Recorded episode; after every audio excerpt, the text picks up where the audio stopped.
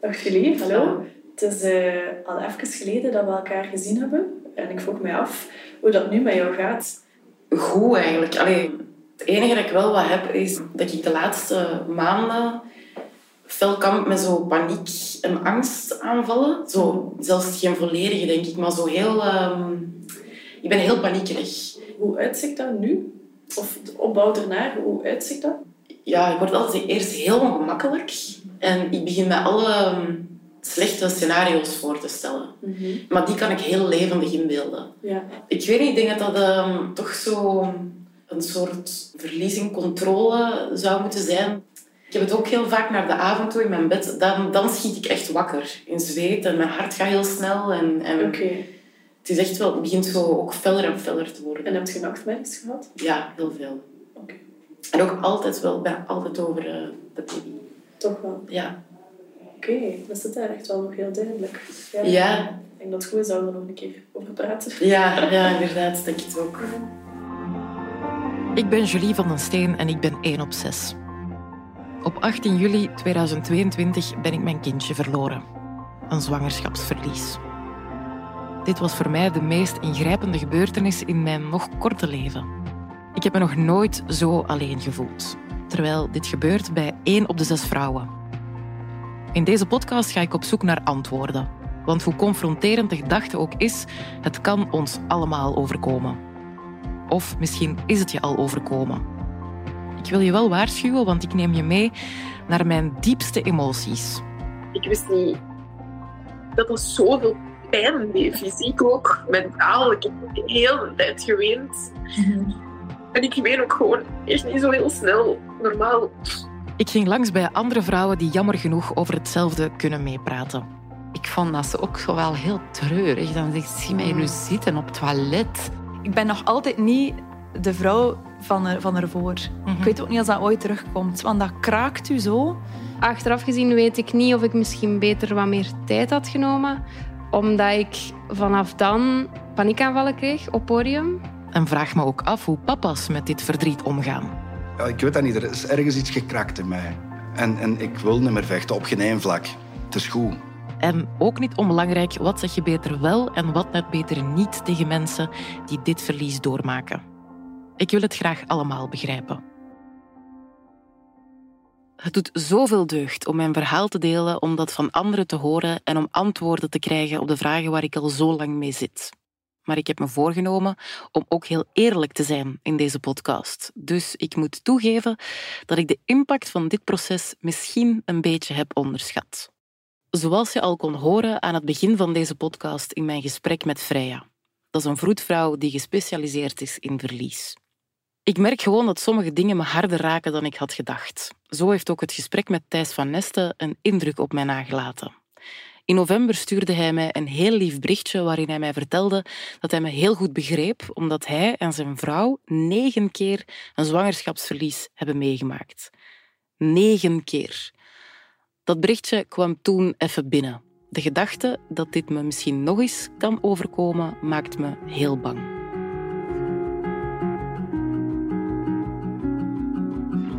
Heb gevraagd of hij zijn verhaal wil delen in deze podcast en hij reageerde dat hij na lang twijfelen er toch over wil praten. Voor de luisteraars die daar nood aan hebben. Hij gaf ook mee dat het bij hen via een ICSI-parcours is gebeurd, dat een paar jaar duurde en dat hij enkel vanuit een mannelijk perspectief kan spreken. En dat vind ik net heel interessant. Ik ben nu onderweg naar Thijs en ik ga nog even naar Jens bellen. Hey Google, bel Jens den Donker. Sorry, ik kan niet bellen als Apple CarPlay aanstaat. Oké dan. Oh. Hey Google, bel Jens den Donker. Daarvoor moet je je contacten met de auto delen. Maar jong! Dat... Allee man, normaal werkt dit altijd. Nog één keer en anders bel ik gewoon hoor. Hey Google, bel alsjeblieft Jens den Donker. Jezus. Hallo Chris, goedemorgen. Hey. alles goed? Met mij wel en met u, hoe is het met u? Want uh, zit je nerveus voor het gesprek? Um, niet per se om met Thijs zelf te praten. Um, ik, ik merk wel dat ik altijd stress heb bij gesprekken dat ik bang ben voor dingen verkeerd te zeggen. Dat ik onbewust ook zo de cliché dingen zou zeggen dat ergens wel pijn doen. Want ik heb dat nu zelf aan de lijve ondervonden, dat als mensen troost willen geven, dat ze daar heel ja, onhandig mee omgaan. Ik heb dat zelf ook. Ik moet dat zelf ook nog leren. En Mhm. daar heb ik het meeste stress voor. Maar ik merk wel, door, door er nu mee bezig te zijn, met die podcast, gewoon in het algemeen, dat het mij veel bezighoudt en ehm, dingen losmaakt ook wel. Ja, dat kan ook bijna niet anders, hè. Ja. Maar ik had nog wel een indruk, toen we elkaar de vorige keer hoorden, dat je heel blij en misschien zelfs ook voor een deel opgelucht werd of zoiets. Ja, zeker wel. Dat is zo, wel altijd mijn eerste ehm, indruk na het gesprek. Maar vanaf dat ik dan thuis kom, merk ik toch zo wel dat ik bepaalde herkenningspunten bijna vlak voor mijn neus zie in mijn huis dan. En dat doet wel nadenken, waar je dat anders niet zou hebben als je dat soort gesprekken niet hebt. Maar ik merk gewoon dat het iets losmaakt. Maar daarom niet allemaal negatief. En, en, en het negatieve hoeft zelfs niet negatief te zijn, als je begrijpt wat ik bedoel. Maar toch meer dan anders. Ja, logisch ook, ehm, door er zo... Ja, ja, ja dat, kan niet, dat kan niet anders natuurlijk. Ja. Maar eh, ik ben wel altijd blij als ik naar de camper mag. Ehm, dus dat maakt me wel gelukkig. Ja. ja, daar ben ik altijd wel content van. Dat is toch een andere sfeer dat je voelt in je lijf. Altijd gezellig, altijd leuk. Altijd lekker eten en veel eten. Zeker. Dat, is, dat zijn de campen voor mij. Allee, ik ben hier toegekomen. Nee, heel veel succes. Dank u wel. Ciao, ciao. Tada. Ik ben nu naar de tattoo-studio aan het lopen van Thijs. Moet ik hier kloppen? Ik zag hem wel. Goedemorgen, zo lang geleden. Hoe is het? Goed. Ik ben kei blij dat ik hier mag zijn. Ja? Hoe gaat het met u? Maar hoe gaat het echt met u? Heel goed. Ja? Heel goed, ja. Druk bezig, maar ik ben niet rustig. Nee, ik mag eigenlijk echt niet klagen. Ik ben content. Oké. Je bent content? Ja. Dat is een beetje het woord hè, voor u. Content? Ja, Mhm. dat is zo. Dat is het doel, denk ik. Zeker, zeker. Ik ben kei blij voor u. En dat wil niet zeggen perfect gelukkig, hè. Nee. Maar ja, ik denk dat je niet perfect gelukkig... Ik denk dat dat het streven moet zijn. Mhm. Maar het doel is content zijn, denk ik. Ja. Want ja, je hebt mij in november een berichtje gestuurd. Mhm. Als ik mijn aankondiging deed over mijn zwangerschapsverlies. Dat was een super lief berichtje. Dat heeft mij oprecht heel hard geraakt ook. Want Mhm. dat is heel fijn dat dan... Want ja, wij kennen elkaar, maar we kennen elkaar ook niet. Mhm. Ehm, maar dat heeft er even ingehakt toen dat je tegen mij zei dat jullie dat verdriet kenden. Omdat jullie dat negen keer Ja, hebben meegemaakt. ja. Dus ik ben super blij dat er hier een contente mens voor mij zit. Want dat lijkt mij niet evident. Eh, nee, nee, nee. Maar gelukkig, mijn vrouw, nog harder als ik, eh, wij zijn nogal kuitenbijters. Hè? Dus als we zoiets in onze kop hebben, wij gaan daar ook wel gewoon voor. Maar dat wil niet zeggen dat dat allemaal eh, makkelijk verteert of zo. Hè? Mm. Dus jullie hebben, voor alle duidelijkheid, twee zonen nu. Ja, Ja. Sis en Cas. Sis en Cas. En die Ja. zijn hoe oud? Eh, vijf en onze sis wordt bijna zeven. Zeven. Dus Ja. het hele traject dat jullie dan hebben moeten doorlopen is acht jaar geleden? Of bijna? Eh, ja, ja, zeven jaar geleden. En dan het traject voor de geboorte van onze eerste zoon. Een jaar of vier, denk ik. Ja, Oké, dus dat is een dikke tien jaar toch al? ja, ja, ja. ja, ja. Ja. Dus je beslist op een bepaald moment als koppel, wij willen kinderen. ja. ja. En dan? Wij wisten dat al vrij snel, zo, dat we samen kinderen wouden. Ehm, maar ik voelde ook al direct, niet feitelijk, dat was nooit onderzocht of vastgesteld, maar ik voelde direct van dat ga je niet van een leien dakje gaan bij mij. Hoe, hoe voelt je dat dan? Ik weet dat niet. Ik voelde dat. Dat dat, niet, dat, dat zo maar niet ging marcheren, ja. Dus je voelde je lijf eigenlijk heel goed aan. Dat is het eigenlijk. Ja, ik denk dat. Ik denk dat. En ik ben zelf een, een, een van de eerste... Ja, mijn zus nog voor mij, omdat hij wat ouder is. Maar zelf een van de eerste proefbuiskindjes. Oké. Ehm, dat was nog een hele andere tijd. Mijn ouders hebben er zeven jaar over gedaan, over ons. Ehm, en dan heb ik ook nog eens als kind Lyme disease gehad, van een tekenbeet. Wat dat heel onvoorspelbaar is, wat dat, dat op de toekomst... Dus we kunnen dat niet vastleggen. En dan heb ik ook nogal een goede jeugd gehad, laat het ons zo noemen. Geamuseerd. Ja, goed geamuseerd. Dus op een, op een gegeven moment, ja, ik was, ik was rond de dertig, denk ik. Als ik mijn vrouw leerde kennen. En ik voelde dat van, oeh, dat is... eh, ja, we gaan voor kinderen gaan. Maar ik heb eigenlijk direct gezegd van, laat ons dat maar direct laten onderzoeken. Echt waar? Ja, En ja. dat klopte dan? Je werd dan bevestigd in je gevoel dan? Dat, dat klopte in extreme mate zelfs. Eh, we hebben dan ja, mijn zaad laten onderzoeken en ze hebben toen letterlijk gezegd... Dat klinkt heel hard, maar dat was wel een heel humoristische dokter. En die zei van, manneke, de kans dat jij op natuurlijke wijze kinderen gaat krijgen is een honderdste van een honderdste. Uw soldaten die bijten ofwel in hun eigen staart of die, die zwemmen achteruit. Kunt je daarmee lachen? Ja, ik ze kon er op dat, wij, wij konden daar op dat moment ook mee lachen. Hè. Toch, ja. Ja. Maar we hebben toen wel aan die bureau in datzelfde gesprek direct gezegd van... Oké, eh, het is wat het is. Zeg maar wat we moeten doen. Oké, maar dan, ja, je hoort dat dan, maar dan, ja, dan ga je naar huis. Komt dat niet binnen, zoiets? Allee, hoe Jawel, dat is, kei, dat keihard. Hè. Ik, ik vond dat vooral voor mijn vrouw hard. Op het eerste moment. Omdat het op mij lag. Mm. En ik ben ook tien jaar ouder dan mijn vrouw. Dus ik had in eerste instantie zoiets van... Ja, jong, zou dat dat wel doen? Allee, zou er niet eh, een, een, een jonge, viriele gast gaan zoeken? Oh. Maar ja, dat is een domme vraag, hè. Allee. Ja, want ze wil u. Tuurlijk, Ja. en je weet dat... dat, dat... Mhm. Maar ja, dat was, ik voelde mij wel heel verantwoordelijk. Hè. Ja. En heb je dat gevoel snel kunnen loslaten? Of is dat zoiets dat nog altijd... Ehm, nu heb ik dat wel kunnen loslaten. Ja. Maar dat heeft wel geduurd tot na de geboortes van de mannen. Echt waar? Ja. Ja. ja. Oké, en dan, wat waren dan de opties dat de dokter dan gaf? We hadden eigenlijk maar één optie. Je hebt zo eh, IVF, dat traject. Ja. Maar dat zou bij ons ook al niet marcheren. En dan heb je nog de laatste kans, ICSI.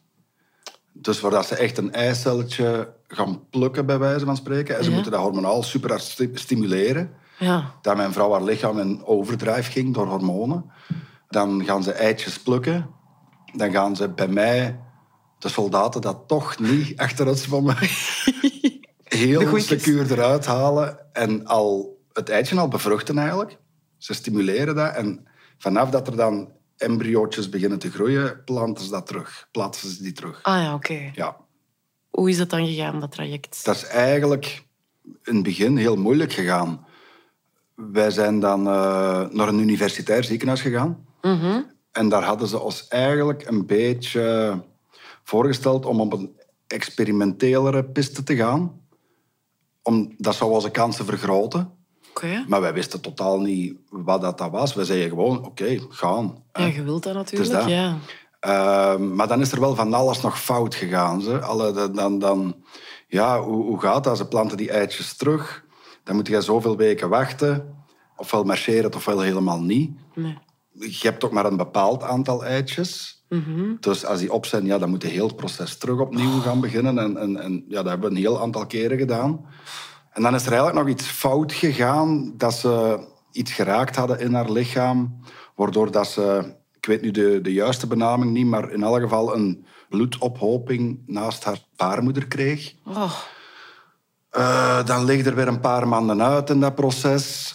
Op een gegeven moment hadden wij er zo genoeg van, want allee, dat, dat neemt u helemaal over. Hè. Dat, je bent eigenlijk met niks anders niet meer bezig. nee.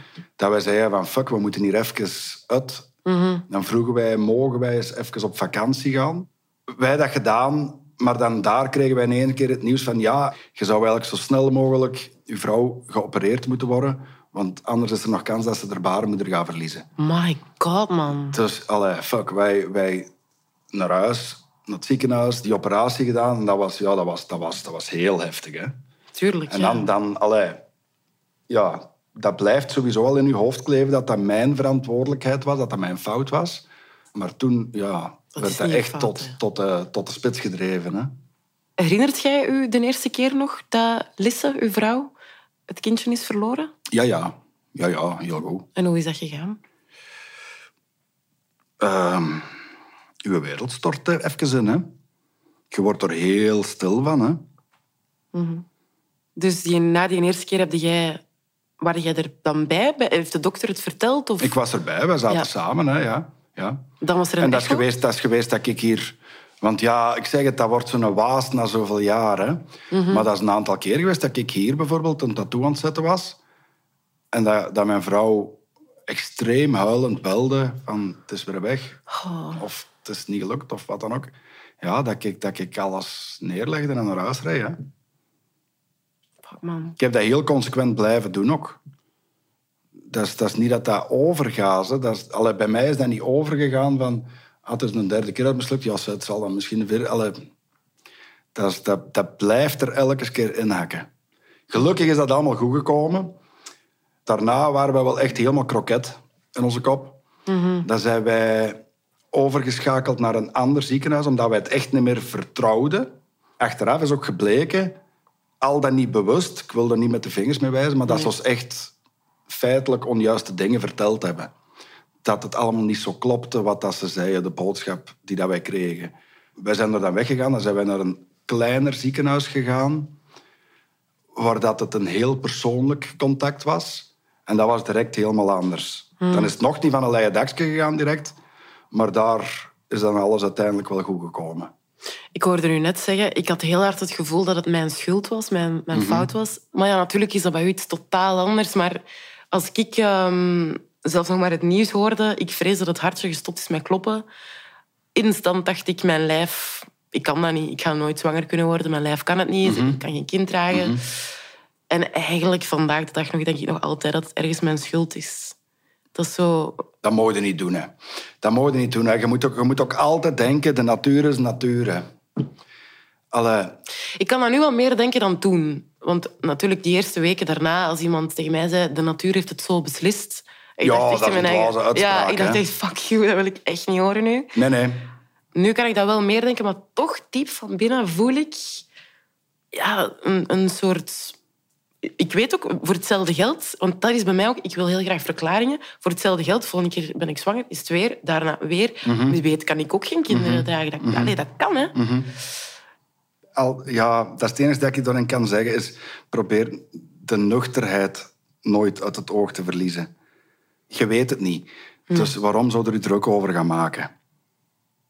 Dat het komt toch.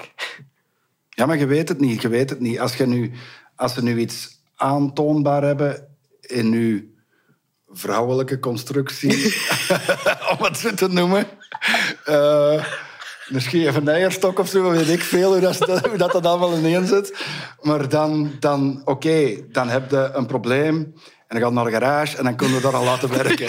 Eh, moeten we een auto terug te laten tunen, om het zo te zeggen. Oh, dat is goed. Maar probeer dan... Allee, ik zeg, emoties is superbelangrijk, hè. Maar laat dat altijd hand in hand gaan met ratio. Nuchterheid. Dat snap ik wel. En dat is goed om daar af en toe eens aan herinnerd te worden. Ook Ja. wel. Die nuchterheid bewaren is niet altijd makkelijk. En daarom vond ik het belangrijk om me goed te laten begeleiden. Ik was dat zelf een beetje uit het oog verloren. Want sinds mijn zwangerschapsverlies heb ik last van nachtmerries. Ik heb hier in het verleden aan gewerkt met Freya, mijn perinatale counselor. Maar nu komen mijn nachtmerries vaker terug. En daarin herbeleef ik telkens opnieuw het moment dat ik het kindje verloor. Ik lag op mijn bed. Het was hittegolf, dus de ramen stonden open en ik hoorde vanuit mijn bed de Gentse feesten op de achtergrond. Ik hoorde mensen lachen, terwijl ik zat roepen van de pijn. Dat was een heel gek gevoel. Mijn vriend was mega bezorgd. Hij was de hele tijd aan het googlen of zoveel pijn en zoveel bloed verliezen wel normaal was. En daarna verloor ik het bewustzijn en bracht hij mij naar het ziekenhuis. En dat was heel heftig. Net zoals toen ik er voor de eerste keer over vertelde tegen Freya. Want ik wou eigenlijk heel tijd naar huis gaan omdat mijn hond alleen was. En ik vond dat super zielig. En ik mocht ik te veel bloed kwijt. En zij had dan gezegd van... Ik zal ervoor zorgen, als je gewoon even aan een bak strandt, zal ik ervoor zorgen dat je naar huis kunt, naar je kind.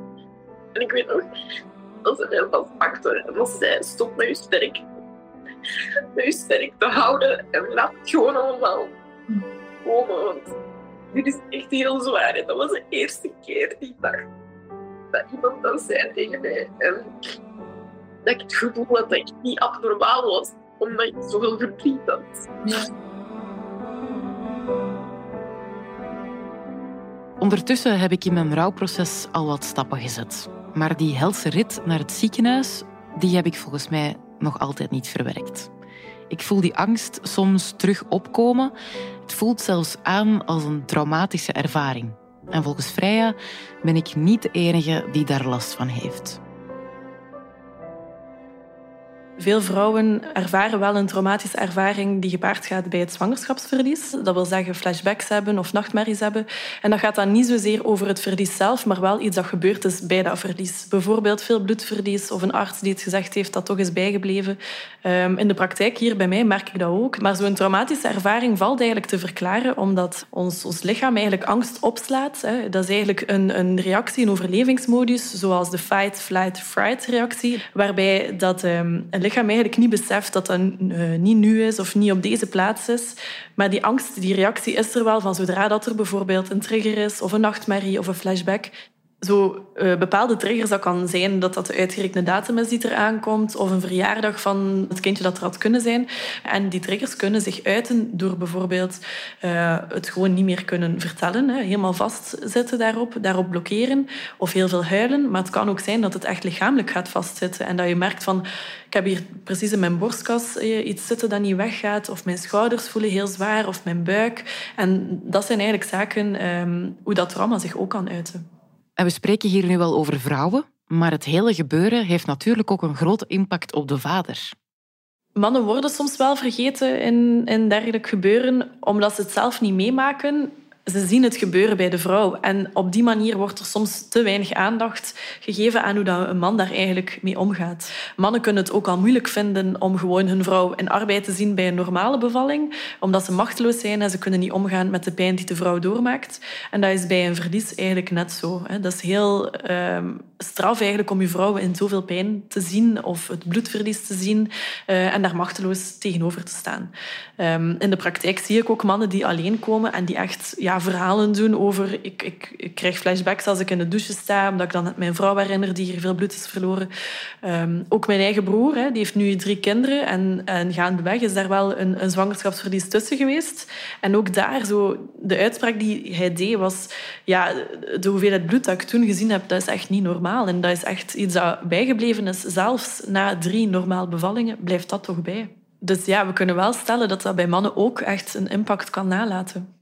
Het is dus belangrijk dat we de effecten van zwangerschapsverlies bij de papa's niet uit het oog verliezen. Dat blijkt ook uit onze podcast Voicemail. Dan eigenlijk wordt je als vader ja, in dat verdriet in dat verlies ook niet echt erkend. Dus toen dat de dokter naar ons kwam en dan naar de echo keek eerst, toen heeft, hij toen heeft de persoon eigenlijk gezegd, mevrouw, ik heb geen goed nieuws voor u. Kindje is niet levensvatbaar, uh, terwijl, terwijl je daar gewoon naast zit. Ik denk dat dat paniek en raadloosheid was, maar ook, hij is ook ter op de branding geweest. Hij heeft niet zoveel laten merken wat dat met hem deed, want hij is vooral voor mij geweest. En hij heeft dat allemaal ondergaan en ik denk dat dat voor hem wel wat machteloos was om daar te moeten op toezien. We hebben dan wel testen gedaan en dan bleek dat er langs mijn kant um, morfologisch wel een probleem was. Maar ja, als je dat krijgt dat je natuurlijk aan u ligt, dat, uh, dat komt heel hard aan. Ik was dus ook wel heel benieuwd naar Thijs zijn ervaring. Voelde hij zich soms een vergeten vader in het hele ICSI-traject waar hij over sprak? En welke reacties kreeg hij als man? Ja, van, van, van, van botte, domme opmerkingen tot goed bedoelde domme opmerkingen. Hè. Alles. zoals bijvoorbeeld? Van goede vrienden die dat goed bedoeld zeiden van... Uh, ja, anders kom ik wel eens helpen, hè. En dat is, dat is, dat is goed bedoeld. maar je denkt, kom jong. Daar kunnen toch niet meer lachen op zo'n moment? Nee, nee. Maar eh, begrijpelijk, hè? Ik, ik mag daar zelf ook fouten in, ongetwijfeld. Ja, Als ik naar hier was ik zelf ook een beetje bang Allee, ik was aan bellen met Jens, de donker, nog een vriend van mij. Mhm. En hij zei, waar heb je nu het meeste stress voor? En ik zeg, ja, ik ben altijd wel op mijn gemak bij die mensen. Ik vind die super, ik vind die top. Maar ik ben ook ergens bang om verkeerde dingen te zeggen. Om, om, ah, ja. ja, omdat je kent het niet, het mhm. onbekende. Mhm. Dat, dat geeft zo wel wat angst. En omdat ik wil... Ik zeker nu, zeker niet met wat ik afgelopen zomer heb meegemaakt, ik wil daar niet in kwetsen. Ah, maar bij mij kunnen niks verkeerd zeggen. Nee, maar zo'n opmerking, Thijs, dat is ik zal ons wel eens komen helpen, dat vind ik wel heel vergaand. Ja, maar dat is, dat is, maar dat is, dat is humoristisch en, en goed bedoeld. Hè. Allee, ik bedoel, ik, ik, ik, Om de sfeer te verlichten dan of zo? Of hoezo is dat dan? ik denk dat. Ik, denk Ja. dat. Ik, ik, ik denk altijd, al dat ik niet aan de, op, aan een toog in de voetbalkantine sta, waar dat je zoiets zegt. Want dan krijg je nog veel grelliger dings, denk ik. Ja, waar wel veel mensen natuurlijk en mannen Ja. als vrouwen, vriendinnen Ja. meemaken staan. Ja. Allee, ik, heb, ik heb het geluk dat ik een aantal hele goede vrienden heb, maar die dat mij tot op bot kennen en ik hen. Heb je daar veel over kunnen praten dan met die vrienden die u tot op het bot kennen? Ja, Ja. ik heb Dus dat heel veel gedaan.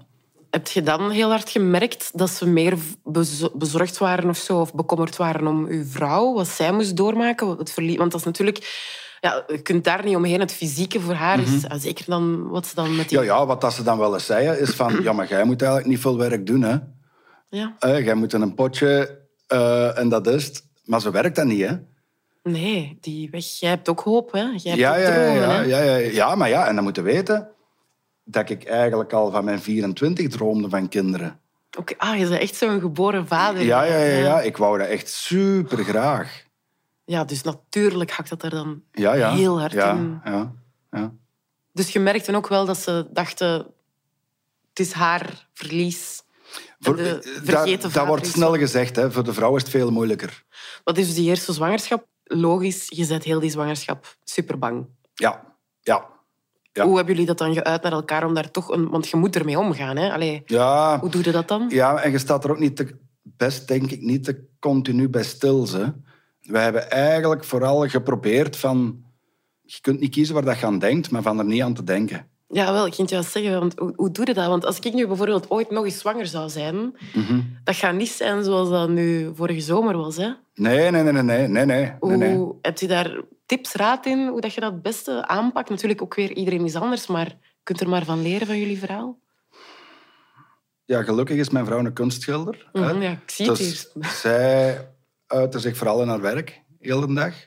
Dat was ja, zelftherapie, om het zo te zeggen. Hè. Ja, een soort uitlaat. Ik denk, ik denk dat dat een belangrijke is. Dat, dat zelfs voor mensen die niet schilderen, al, het maakt niet uit hoe, hè, Mhm. maar dat je ergens een uitweg zoekt. Dat je dat niet allemaal binnenhoudt, want dan wordt een bom.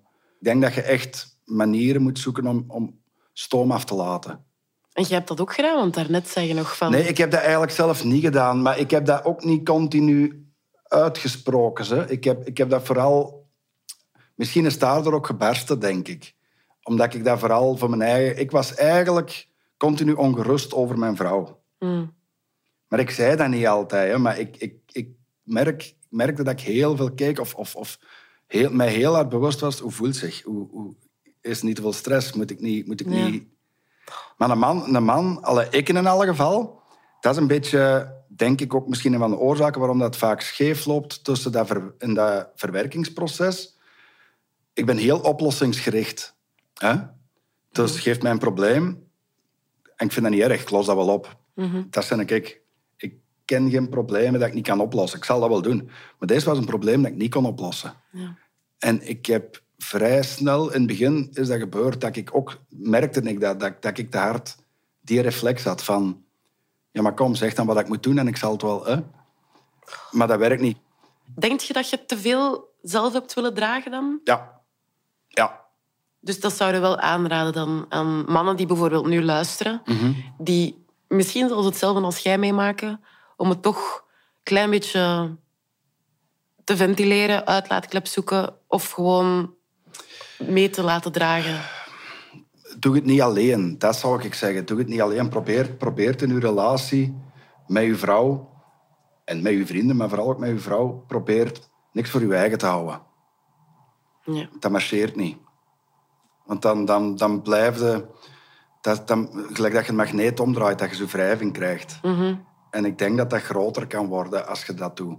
Dat is dus hetgene dat je dan aanraadt, het toch uitspreken. Ja, Ja. ja, ja en, en, en, en, en denk niet dat je gelijk hebt, of denk niet dat je het beter weet, of denk niet dat, je, dat uw manier de juiste is. Er zijn gewoon verschillende manieren en er respect voor, laat dat bestaan. Mhm. Ik vond dat heel herkenbaar. Ehm, de vader van mijn baby, die, die allee, bij mij, als ik het verloren heb, was met complicaties en zo. En, en op dat moment was het, heel, allee, was het levensbedreigend voor mij. Dus maandenlang, tot zelfs afgelopen december, dus dan, dan zijn we echt al heel ver weg, dan pas hitte bij hem van wat, wat er gebeurd was met de baby. Dus die heeft zo lang die focus op mij gehouden. Mhm. Om voor mij te zorgen en die bezorgt het naar mij toe. Mhm. Maar ik wist niet hoe dat ik dat dan moest uitspreken naar hem toe. Mhm. Dus wat zou je dan vrouwen die, die in die situatie... Of merken dat hun man de, de wrijving op de magneet voelen bij de man. Is dat iets dat je denkt van... Probeer het eruit te sleuren, eigenlijk bij manier van spreken? Of, of... Ja, niet sleuren, maar, maar probeer, probeer ten eerste niet alleen bezig te zijn met je eigen verdriet. Want het is niet je eigen verdriet, je doet dat samen. Je hebt Mhm. alle twee verdriet. Mhm. Je moet, je, moet, je moet iemand in zijn verdriet laten. Iedereen, alle, iemand, iedereen zelfs al zeggen, een fantastisch koppel, dan nog, doe dat op een andere manier. En ik heb daar echt, echt geleerd van iemand te laten zijn wie dat ze zijn. Ik heb ook veel geleerd uit dat gesprek met Thijs. Het heeft mezelf al geholpen in mijn gesprekken met de papa van mijn kindje. Omdat ik nu bewuster ben van het papa-perspectief.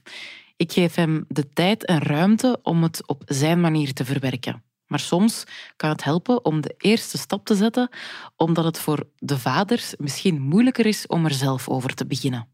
Samen rouwen is het moeilijkste dat er is. Maar soms is het ook gewoon zo mooi. Zich heeft het een serieuze impact gehad, maar in de positieve zin. Want ja, ik ben iemand als zelfstandige dat heel veel werkt en dat is daarvoor nu nog niet veranderd. Maar ik ben wel beginnen nog meer tijd nemen om zo van elkaar te genieten en samen dingen te doen. Ik weet nog dat ik zo verliefd was op mijn man, want die troostte mij, die, die, die, die deed alles voor mij. En wij zijn daar nog sterker uitgekomen, denk ik. Het hele traject, ja, dat heeft wel ups en downs gehad in onze relatie. Maar ik denk, als het dan uiteindelijk wel gelukt is, zijn we zeker zo blij geweest. En dan zijn we dan toch terug naar elkaar toegegroeid. Ik bewonder hoe Thijs en zijn vrouw Lisse vandaag nog steeds zo'n sterk team zijn. Want ik besef nu nog meer hoe zwaar zo'n fertiliteitstraject kan zijn.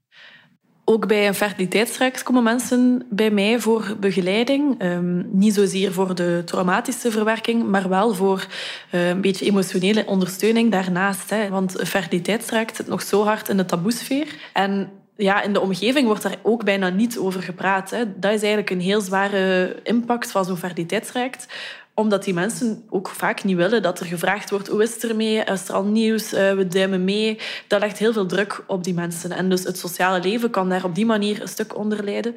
Maar ook relationeel. Ja, waar, waar zit het probleem, zeg maar? Waar, waar loopt het stroef? Dat is ook niet altijd geweten. Vrouwen, stel dat bij de vrouw is, kunnen zich heel schuldig voelen daarover. Mannen dan weer ook. En dan binnen het koppel zelf daarover praten kan dan ook moeilijk gaan. Zo'n traject is een stuk geleefd worden. Het, is- ja, het is ook uitzichtloos eh, soms, omdat je niet weet wanneer dat eindelijk wel gaat lukken. Dus je wordt, ja, je wordt niet alleen geleefd, het heeft ook echt wel een impact op je leven. En dat merkte ik ook bij Thijs. We hebben nu twee zonen.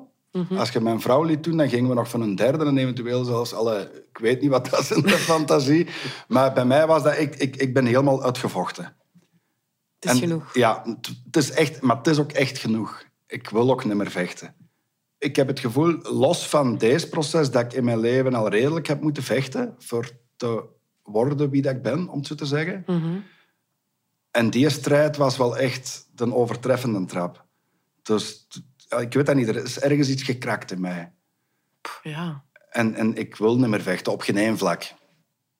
Maar dat is ook, ik, ben daar ook, ik ben daar ook... en Dat klinkt heel raar, hè, op een bepaalde manier ook blij voor. Hè? Omdat, noem het carrière, noem het, noem het gelijk dat je wilt. Alles is ook echt onbe- onbelangrijk voor mij in verhouding met dat. Hè. Het kan mij om een reet roesten allemaal, hè. Maar, maar letterlijk. Hè. maar letterlijk. En dat is, dat is, dus ik ben er ook blij voor. Hè. Dus voor u is het allerbelangrijkste uw gezin en daarvoor alles geven. Dan. Maar ja, jong. Ja, jong. Ja, ik ben ook wel heel blij dat je dat nu gedeeld hebt, dat verhaal. Omdat ik, ik merk... Allee, ik, ik wil ook niks insinueren, maar ik merk wel dat je het er nog moeilijk ook mee hebt tot op de dag van vandaag. Om het, het maakt je op momenten emotioneel, zag ik. Ja, ja, ja, dat mag ja, zeggen. ja. Ik zou ermee kunnen blijten. Ja, ik zag Letterlijk, als ik mijn zoon zie liggen deze morgen, ik zou ermee kunnen blijten. Ik zeg, ook, ik zeg ook, en dat vind ik, dat is iets dat ik heel hard heb. Ik weet niet van waar dat komt, maar ik, mijn vrouw wordt er onnozel van. Maar ik bevestig ook, ik zeg ook heel dikwijls, weet je wel hoeveel chance dat wij hebben? Ik kan echt op mijn dorpel zitten, of gelijk gisteren met een trippel op het terras. En ons kleine mannen zijn er een kleine tractor, speelgoedtractor, het afbreken. Dat geen naam mee. ik kan ook echt zien... En zij, ik spreek dat ook uit van... van man, alle, hoeveel chance hebben we eigenlijk? Mooi. Ja. Ik vind het wel goed dat je dat blijft vasthouden, dat gevoel. Ja, maar dat, dat, dat moet ook. Dat moet ook. Dat moet ook. Ik denk dat veel mensen dat ook wel heel snel weer kunnen vergeten, eigenlijk. Hè? Dat weet ik niet. Dat weet ik niet. Maar ik heb het nu puur over mensen zoals ik nu. Ik wil nu niemand in hokje steken, maar die zo'n traject niet hebben moeten doorstaan. Hè. Ik, ik, allez, ik, ik, dat gevoel van niks is vanzelfsprekend, dat ik ook heel hard in de zomer. Maar dan, dan is het weer winter en dan ben ik ook weer aan het vloeken omdat, ja, omdat mijn lipstift valt op de... Allez, zo ja, ja, ja, ja, ja, ja, ja, ja. maar je moet ook niet altijd in het uh, potje met de diepste emoties roeren. Hè, want daar wordt nee. er zot van. Alle, dan begint de saus te schiften als je blijft roeren. Hè. dat is zo, dat is zo. Moet daar, alle, dramatiseren is nooit niet goed. Maar ik denk wel... Ik denk, en dat klinkt misschien heel vreemd... Als jij zwanger waart, hè, mm -hmm. heb je toen gevoeld van... Oh ja, ik wil eigenlijk echt graag mama zijn? Ja. Ja? Ja. Ah, wel, hè, ik denk op een gegeven moment... Want je gaat ooit mama worden, 9 op 10, hè. Dat je... En dat klinkt heel raar, maar dat je blij gaat zijn dat je het allemaal hebt meegemaakt omdat je het op een veel bewustere, intensere manier gaat aanvoelen. Dat begrijp ik wel ergens wat je zegt. Allee, we zullen je wenst het niemand niet toe, hè? Nee. Maar allee, probeer het zo ook te bekijken. Ja. Oké, okay, maar dan kom ik over tien jaar terug hier ja. met mijn micro's. En dan... We zijn een betaalde klaar. Hela. ik, ben, ik ben nu een liedje... Ik ben een plaat aan het maken en een liedje aan het maken over mijn kleine mannen. En ergens zeg ik daarin... Maar toch zou ik aan de fertiliteitsdokter willen meegeven dat twee in één niet per se een must was. Want je wordt er zot van. Hè? Soms vloekt je dat toch ook Maar ja. Allee. Acht op de tien van een dag te ontvloeken. Met die twee, daar doet het voor. Ja, dat zal wel. Ja. Ja. Top. Echt, ik apprecieer het enorm dat je even wou zitten met mij om daarover te babbelen. Heel graag gedaan. Ik zou nog twee uur kunnen babbelen met u, man. Echt waar. Dat is echt goed. Ja, ik ben een therapeut. Hè. Ja, oh, ik heb er zoveel deugd van. Stuur de factuur maar op dan. Hè.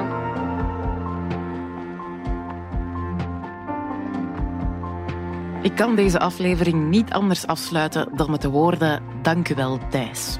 Het kwam al een paar keer aan bod. Het verlies van een ongeboren kind heeft een impact op iedereen. En dan krijg je een situatie, en dat vind ik wel het belangrijkste als opa, waarbij je niet alleen je kleinkindje uh, verliest, maar ook je kinderen pijn ziet hebben. Mhm. Uh -huh. En niks ergers voor een ouder dan kinderen pijn zien hebben. Bart Tommelijn spreekt erover in onze volgende aflevering. En nog één ding. Ik sprak in deze aflevering over trauma's en angsten. Als dit voor jou ook herkenbaar is, weet dan dat er heel veel zorgverleners zijn die jou hiermee kunnen en willen helpen.